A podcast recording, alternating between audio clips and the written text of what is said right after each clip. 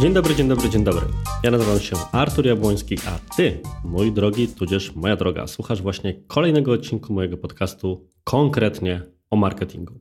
Myślę, że jego tytuł, jeżeli jest to Twoja pierwsza wizyta, zdradza, jaka będzie tematyka, więc nie muszę tego wątku specjalnie rozwijać. A tymczasem dzisiaj na warsztat biorę temat, przykłady strategii pozyskiwania nowego ruchu, pozyskiwania widoczności w nowych grupach docelowych i generalnie pewnej strategii tworzenia treści opartych o inne osoby niż tylko Ty i inne zasoby niż tylko Twoje. Zaczynajmy.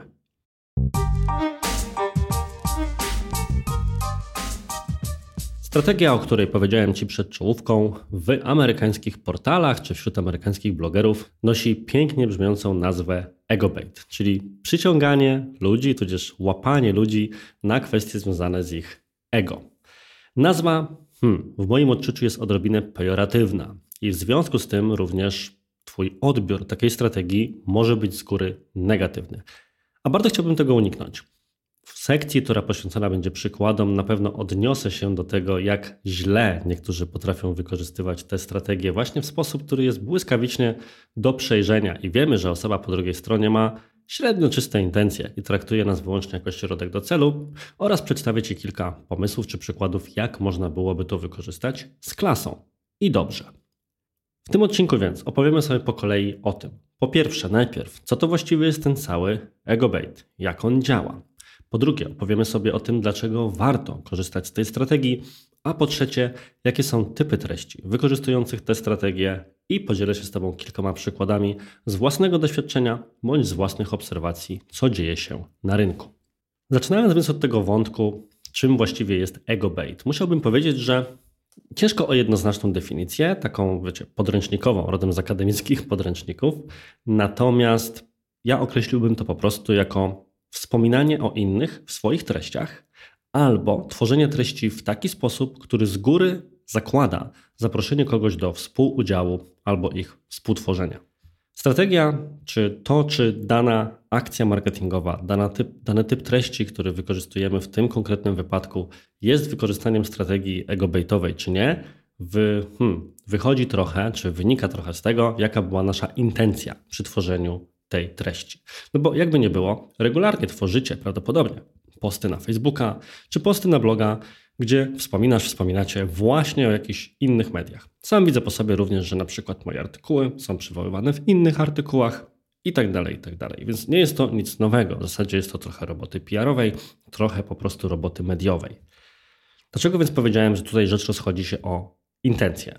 Ponieważ w przypadku strategii opartej na właśnie łechtaniu ego, czyli tak zwanym ego bejcie, z góry zakładamy, że mamy na przykład pewną pulę osób, z którymi chcemy wspólnie coś zrobić, po to, żeby liczyć na to, że te osoby udostępnią to u siebie, a co za tym idzie, będziemy mogli skorzystać z ich zasięgów.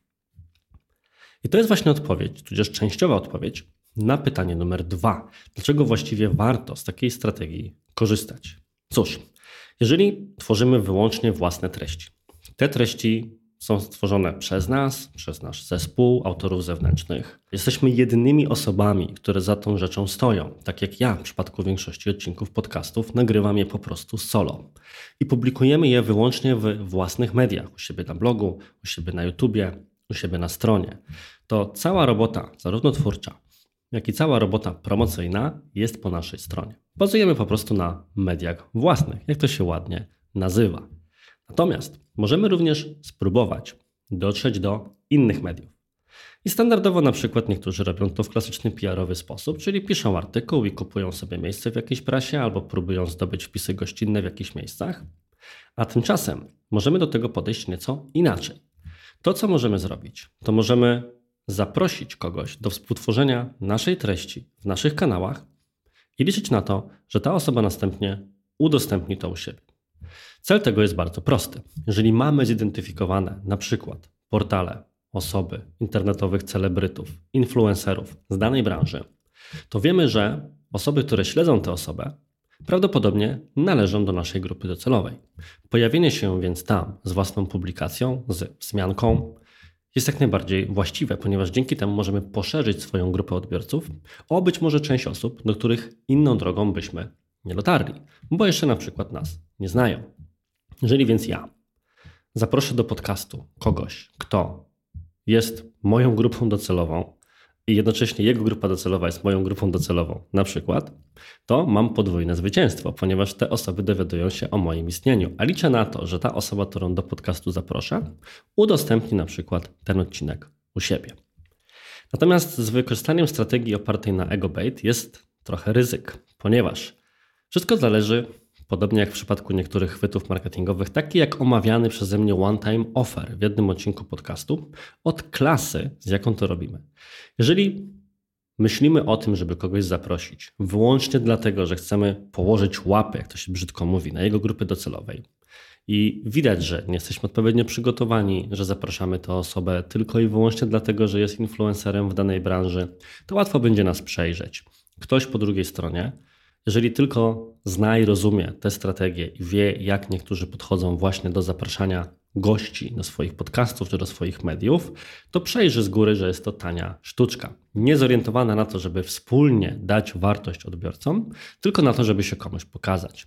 Myślę więc, że głównym nie tyle może wyzwaniem, ile zadaniem, które będzie przed Tobą stać, jeżeli będziesz chciał lub chciała wykorzystać tę strategię, jest nie tylko skupić się na tym, do kogo ja bym tu chciał dotrzeć i kto może być tym pośrednikiem, który pomoże mi tam dotrzeć, ale przede wszystkim, jakie z tych osób mogą dać wartość w moich treściach, która przyda się zarówno moim odbiorcom, jak i innym odbiorcom. Z tą strategią trzeba być więc bardzo ostrożny, ponieważ widziałem wiele przykładów realizacji tej strategii, które z daleka pachniały brzydko, mówiąc delikatnie. A jakie są typy treści, które najczęściej wykorzystują osoby, które nastawiają się na tworzenie nowych wpisów, czy nowych publikacji, nowych filmów, podcastów itd. Tak w oparciu o strategię ego-baitową? Takim, który spotykam zdecydowanie najczęściej, a jednocześnie takim, który najczęściej pachnie też brzydko, są wszelkiej maści rankingi. Inspirujących osób, osób z danej branży, osób zajmujących się daną rzeczą itd. Tak itd. Być może wielokrotnie zdarzyło Ci się trafić na takie rankingi i doskonale rozumiem, dlaczego takie rankingi powstają. Z jednej strony taki ranking może być wartością dla odbiorcy, ponieważ ja sam bardzo często szukam nowych osób, których jeszcze nie znam, a które wiem, że warto byłoby obserwować. No i wówczas, siłą rzeczy, szukam tego typu rankingów, żeby się dowiedzieć, kogo na przykład śledzą inni, albo kogo inne osoby z branży, tej bądź innej, uważają za osobę wartą śledzenia. Cała rzecz natomiast sprowadza się do tego, jak to jest zrealizowane.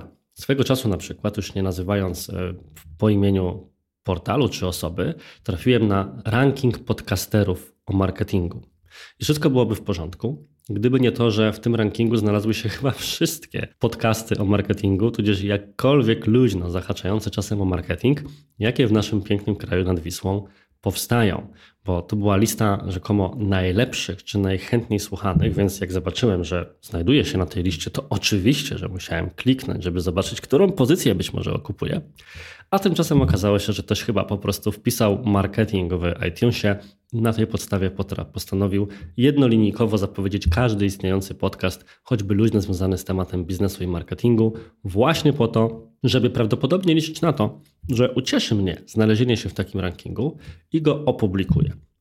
A z drugiej strony mamy też dobre realizacje takich rankingów i tu muszę serdecznie pozdrowić e, Michała Sadowskiego z Brand24, ponieważ jeżeli chodzi na przykład właśnie o marketerów ze świata, to Brand24 przygotowywało swego czasu taki ranking. Natomiast on po pierwsze był w bardzo atrakcyjnej formie wizualnej podany, a po drugie jeszcze wyglądał naprawdę świetnie, jeżeli chodzi o to, jakie dane były zaktualizowane. Czyli mieliśmy bazując oczywiście na danych zbieranych na przykład o wzmiankach przez Brand24, informacje o tym, jaka naprawdę w oparciu o dane jest siła danego influencera. Jeżeli więc byłem marketerem, który chciałby się dowiedzieć właśnie, kto się liczy w branży, to spokojnie mogłem na tym rankingu polegać. Oczywiście jest to pewnego rodzaju konkurs popularności, ale przynajmniej oparty już o pewną analizę, a nie wyłącznie o subiektywny wybór zgrywający coś dużo lepszego. Jak widzisz więc, ranking można przygotować dobrze i można go też przygotować źle. Więc za każdym razem, kiedy przyjrzysz się jakimś rankingom i ewentualnie zastanawiasz się, czy warto śledzić te wszystkie osoby, czy to jest na pewno taki wybór, którym ktoś kierował się merytoryką go tworząc, to zastanów się, dlaczego taki ranking musiał powstać, czy jakie na przykład były kryteria doboru do tego rankingu, inne niż na przykład zasięg osoby, która mogłaby coś takiego udostępnić. Drugim przykładem typu treści, które tworzy się z nastawieniem albo z chęcią wykorzystania strategii opartej na egobejcie są wywiady. Realizowane czy to w formie podcastu, czy w formie na przykład YouTube'a. Ja sam również kilkakrotnie zapraszałem do siebie do podcastu właśnie inne osoby, jak na przykład zapraszałem e, Aleksandrę Ludzką, która wiedząc, że pracuje w firmie, która zajmuje się tworzeniem oprogramowania dla sklepów internetowych, jeżeli to udostępni u siebie, to w tym momencie dotrę również do osób, które takie sklepy posiadają. Natomiast to była, że tak powiem, korzyść, wartość dodatkowa, a przede wszystkim zależało mi na tym, żeby porozmawiać z kimś, kto mocno siedzi w tematach e-commerce'owych, reklam na Facebooku i dzięki temu wspólnie być może pomyślimy nad tym, co możemy dać naszym odbiorcom. Zarówno Oli, jak i moim, jeżeli chodzi o wartość czy pomoc w zakresie bieżącej optymalizacji reklam przy różnych budżetach. Gorąco polecam Ci, jeżeli nie miałeś bądź nie miałaś okazji, zerknąć również, wrócić do tego odcinka. Wywiady, swoją drogą również wszelkiej maści krosy, czyli wszystkie wspólne występy, to jedna z głównych strategii rozwoju kanałów na YouTubie. I zarówno kanałów rozrywkowych, gdzie po prostu jedni goście występują u drugich, ale nie tylko. Spokojnie można to wykorzystać również w tematach biznesowych. I tu gorące pozdrowienia dla zaprzyjaźnionego kanału Przygody Przedsiębiorców i Bartosza Kolanka i Adriana Gorzyckiego, którzy myślę, że w ten sposób również dobierają swoich gości, szukając na rynku osób, które nie tylko reprezentują sobą wartość merytoryczną, ale zbudowały również własne zasięgi w mediach społecznościowych lub są po prostu osobami znanymi, przez co mogą przyciągnąć kolejnych widzów do kanału. Generalnie podcastów, które oparte są na wywiadach, czy kanałów YouTube'owych, które oparte są na wywiadach, jest rzeczywiście sporo, więc dużo zależy od tego, czy prowadzący będzie w stanie wyciągnąć z tego gościa coś więcej. Jeżeli więc zobaczysz kolejny podcast oparty głównie na wywiadach, to zastanów się, czy dla autora nie jest to przypadkiem po prostu strategia wzrostu własnego kanału, a nie po prostu pomysł na to, żeby podcast prowadzić w tej formie z uwagi na to, jaką wartość można wspólnie zaoferować. Jak widzisz, ja jestem trochę już spaczony i może nawet zanadto podejrzliwy, ale staram się bardzo mocno zastanawiać się nie tylko nad tym, co oglądam, ale również co ktoś chciał mi w tym momencie pokazać. Innym typem treści, który może wykorzystywać EgoBait są wszelkiej maści recenzje.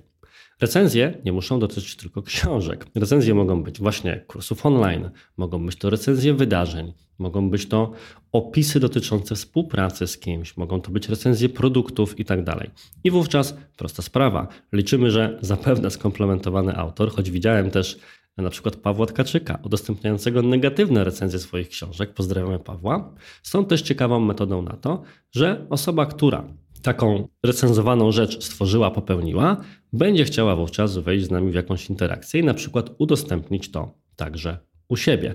Mnie również wielokrotnie zdarzało się udostępniać na przykład filmy czy wpisy na blogach komplementujące którąś z moich książek, za co oczywiście bardzo dziękuję. Bardziej rozbudowanym typem treści, które ewentualnie opiera się na egobejcie, jest przygotowanie artykułu gościnnego. Możemy na przykład skontaktować się z kimś albo możemy wspólnie z kimś stworzyć artykuł, ale nie gościnny w rozumieniu, że to my występujemy u kogoś, tak jak się to przeważnie robi, tylko na odwrót. To ktoś występuje u nas i liczymy na to, że później pokaże tę naszą treść także w swoich mediach. Z punktu widzenia czytelnika może to być bardzo wartościowe. Sami świadomie, w sensie ja sam świadomie zastosowałem tę strategię właśnie, czy ten typ treści, kiedy szykowałem na bloga wpis o regulaminach konkursów na Facebooku. Jakby nie było, rzecz, która jest bardzo często wyszukiwana, a ja, co by nie mówić, mimo swoich jakichś licznych zajęć, prawnikiem po godzinach dodatkowo nie jestem. Natomiast współpracuję i zarówno naszym klientem, jak i naszą kancelarią prawną jest właśnie firma Norberta Murdzy, którego gorąco polecam i pozdrawiam. Więc przygotowaliśmy wspólnie z Norbertem artykuł o robieniu konkursów. Wiedzieliśmy bowiem, że będzie to wartościowe dla użytkowników, pozwoli poruszyć nowy temat, na którym ja się nie znam. Mogę przerobić to nieco literacko, z prawniczego na polskie. Natomiast na pewno nie będę w stanie włożyć w to zbyt wiele merytoryki. Ewentualnie mogę dopytać o rzeczy, które wiem, że się pojawią. Więc gorąco polecam Ci ten artykuł w temacie konkursów na Facebooku. A przy okazji wiedziałem, że dzięki temu mam artykuł gościnny prawnika i liczyłem też na to, że Norbert podzieli się tym ze swoich, w swoich mediach. Jakby nie było, jego grupą docelową są przedsiębiorcy. Tacy przedsiębiorcy, którzy współpracując z nim w zakresie prawa, być może będą szukali obsługi marketingowej i tą drogą trafią na przykład do mnie czy do mojej agencji. Kolejnym typem czy pomysłem na wykorzystanie, albo przynajmniej częściowe wykorzystanie e, innych osób, jakkolwiek źle by to nie brzmiało, w swoich treściach są na przykład wypowiedzi. I to się bardzo często pojawia. Jest to nawet forma e, pewnego rodzaju artykułów, które nazywają się na przykład Round Table albo Round Up, tam przynajmniej działa to za granicą, gdzie mamy zaproszonych szereg osób, z prośbą o wypowiedź na jakiś konkretny temat. W polskich mediach marketingowych również ten format coraz częściej się pojawia. E, możemy mieć jedną osobę, która coś skomentuje, możemy mieć ich kilka. I może być to bardzo wartościowe dla odbiorcy, ponieważ pozwala poznać nie tylko punkt widzenia tej konkretnej osoby, ale również kilku innych na dany temat. Sam niedawno byłem proszony na przykład przez sprawny marketing, ja i ludzie z mojego zespołu, o komentarz w sprawie zmian w reklamie na Facebooku wynikających z iOS 14. A ponieważ nagrywałem ten, na ten temat odcinek z Mają Czerwińską ode mnie z agencji, jedną z team liderek, gorąco pozdrawiam i polecam Ci również ten odcinek, jeżeli temat Cię interesuje, to czuliśmy się w mocy, żeby również się w tym momencie wypowiedzieć oraz oczywiście udostępnić to u siebie w mediach społecznościowych. Można tę strategię również dodatkowo rozwinąć. Jakby nie było, być może nieraz zdarzyło Ci się otrzymać zaproszenia do wzięcia udziału w różnego rodzaju branżowych raportach i zestawieniach, które powstają w oparciu o jakąś metodę badawczą, ale przy okazji poszukiwani są eksperci, którzy taki raport dodatkowo przemielą i skomentują. Czasami część osób e, dostaje takie propozycje w formie płatnej, a czasami, mnie również zdarzyło się, po prostu jest się zaproszonym do tego, żeby to w tym wziąć udział. Czasami również dostaje, można na przykład zaprosić kogoś jeszcze do innej roli, o czym za chwilę. Natomiast w kontekście wypowiedzi, przykład, którym ja mogę się podzielić, takim właśnie bardziej dokokszony, można by było powiedzieć, e, był na przykład e-book, który kilka lat temu wyprodukowałem i tej chwili za zapis do mojego newslettera otrzymuje się e-book o skutecznym remarketingu na Facebooku, takich taktykach naprawdę do zaawansowanych. Więc jeżeli jeszcze nie macie w mojej liście mailowej, gorąco się polecam zapisać, żeby tego e-booka otrzymać, bo no, trzech czwartych z tych taktyk nie widziałem opisanych nigdzie w internecie, albo zostały opisane po tym, jak opisałem je ja u siebie, bo część z nich po prostu odkryłem samodzielnie. Natomiast Wracając do rzeczy, jeszcze przed tym e-bookiem miałem na swojej stronie zapis na newsletter inny e-book, złożony z kilkudziesięciu stron, ale stworzony z, bez współpracy z kilkunastoma innymi ekspertami, których poprosiłem o podzielenie się jedną techniką optymalizacyjną w zakresie reklamy na Facebooku i wspólnie dołożyłem kilka wypuściliśmy właśnie takiego e-booka, który otrzymywały swego czasu osoby zapisując się na moją skrzynkę mailową. Najstarsi tutaj słuchacze albo czytelnicy mojego bloga mogą jeszcze ten e-book pamiętać, albo może nawet mieć gdzieś w czeluściach dyskowych. I ostatnią formą, myślę, takiego kontentu, czy nawet pewnego działania opartego jednak po części na egobejcie, są wszelkiego rodzaju nagrody i wyróżnienia do których można podejść na dwa sposoby, ponieważ z jednej strony możemy po prostu komuś taką nagrodę przyznać albo kogoś do takiej nagrody nominować. Jest to bardzo miłe i takie osoby na pewno chętnie podzielą się w tym w swoich mediach społecznościowych. Ba, nawet niektóre lokalne media organizują rokrocznie konkursy właśnie na jakieś ważne osoby w różnych branżach i później są do tego głosowania i tak dalej, i tak dalej. Prawdopodobnie kojarzycie, może nawet kiedyś o taki głosik ktoś z Was był proszony. A z drugiej strony też możemy zorganizować taki konkurs, e, pewną branżową inicjatywę, ale zaprosić kogoś nie w charakterze uczestnika, czy osoby, która może być potencjalnie nagrodzona, ale na przykład w charakterze jurora albo osoby, która będzie zgłaszać, będzie oceniać zgłoszenia innych osób, co też jest jakby nie było mocno nobilitujące, bo co innego być tym, który jest oceniany, a co innego być jeszcze tym, który ocenia rzeczywiście i to on jest jakąś częścią kapituły tegoż konkursu. Podsumowując więc, jeżeli rozważasz wykorzystanie umiejętne strategii ego-baitowej, to przed Tobą następujące typy treści, po które możesz sięgnąć. Po pierwsze, branżowe rankingi. Po drugie, przeprowadzenie wywiadów albo jakaś inna forma crossu, czyli wspólne stworzenie treści, czy to w podcaście, czy na YouTubie, czy w innym medium. Po trzecie, recenzje i podsumowania różnego rodzaju wydarzeń, działań, narzędzi, działalności pewnych osób, wystąpień, konferencji, tym podobne. Po czwarte, artykuł gościnny, ale zaproszony ekspert publikujący u ciebie. Po piąte, wypowiedzi ekspertów albo w pojedynczej formie, w sensie jedna osoba po prostu wzbogaca swoim komentarzem Twój artykuł, albo po szóste, wpis, który po prostu zbiera opinie ekspertów na dany temat. Po siódme, wszelkiej maści nagrody i wyróżnienia, zarówno punkt 7a w formie uczestnika, tudzież osoby nagrodzonej, tudzież punkt 7b w formie jurora, który te cudze zgłoszenia będzie oceniał. Niezależnie od tego, który typ treści postanowisz stworzyć, potrzebujesz powodu, dla którego zapraszasz te konkretne osoby. Pamiętaj, jeżeli stworzysz na szybko ranking, czy poprosisz o byle jakie wypowiedzi, których nawet nie zmoderujesz, czy nie będą miały żadnego klucza albo chociażby podsumowania i Twoich wniosków, to Twoi odbiorcy po drugiej stronie to przejrzą po pierwsze, a osoby, które zaprosiłeś, zobaczą też, że po prostu postanowiłeś brzydko wykorzystać ich zasięgi, liczyłeś tylko i wyłącznie na to, tworząc daną treść. Więc jeżeli chcemy wykorzystać strategię ego-baitową, to po prostu miejmy przy okazji czyste intencje i chcielibyśmy po prostu wspólnie dać wartość osobom po drugiej stronie. I drugą rzeczą, o której warto wówczas pamiętać, jest to, że jeżeli rzeczywiście liczysz na to, że taka osoba później udostępni to u siebie, czy w jakikolwiek inny sposób pomoże Twojej treści dotrzeć do własnych odbiorców, to miej na to gotowy proces.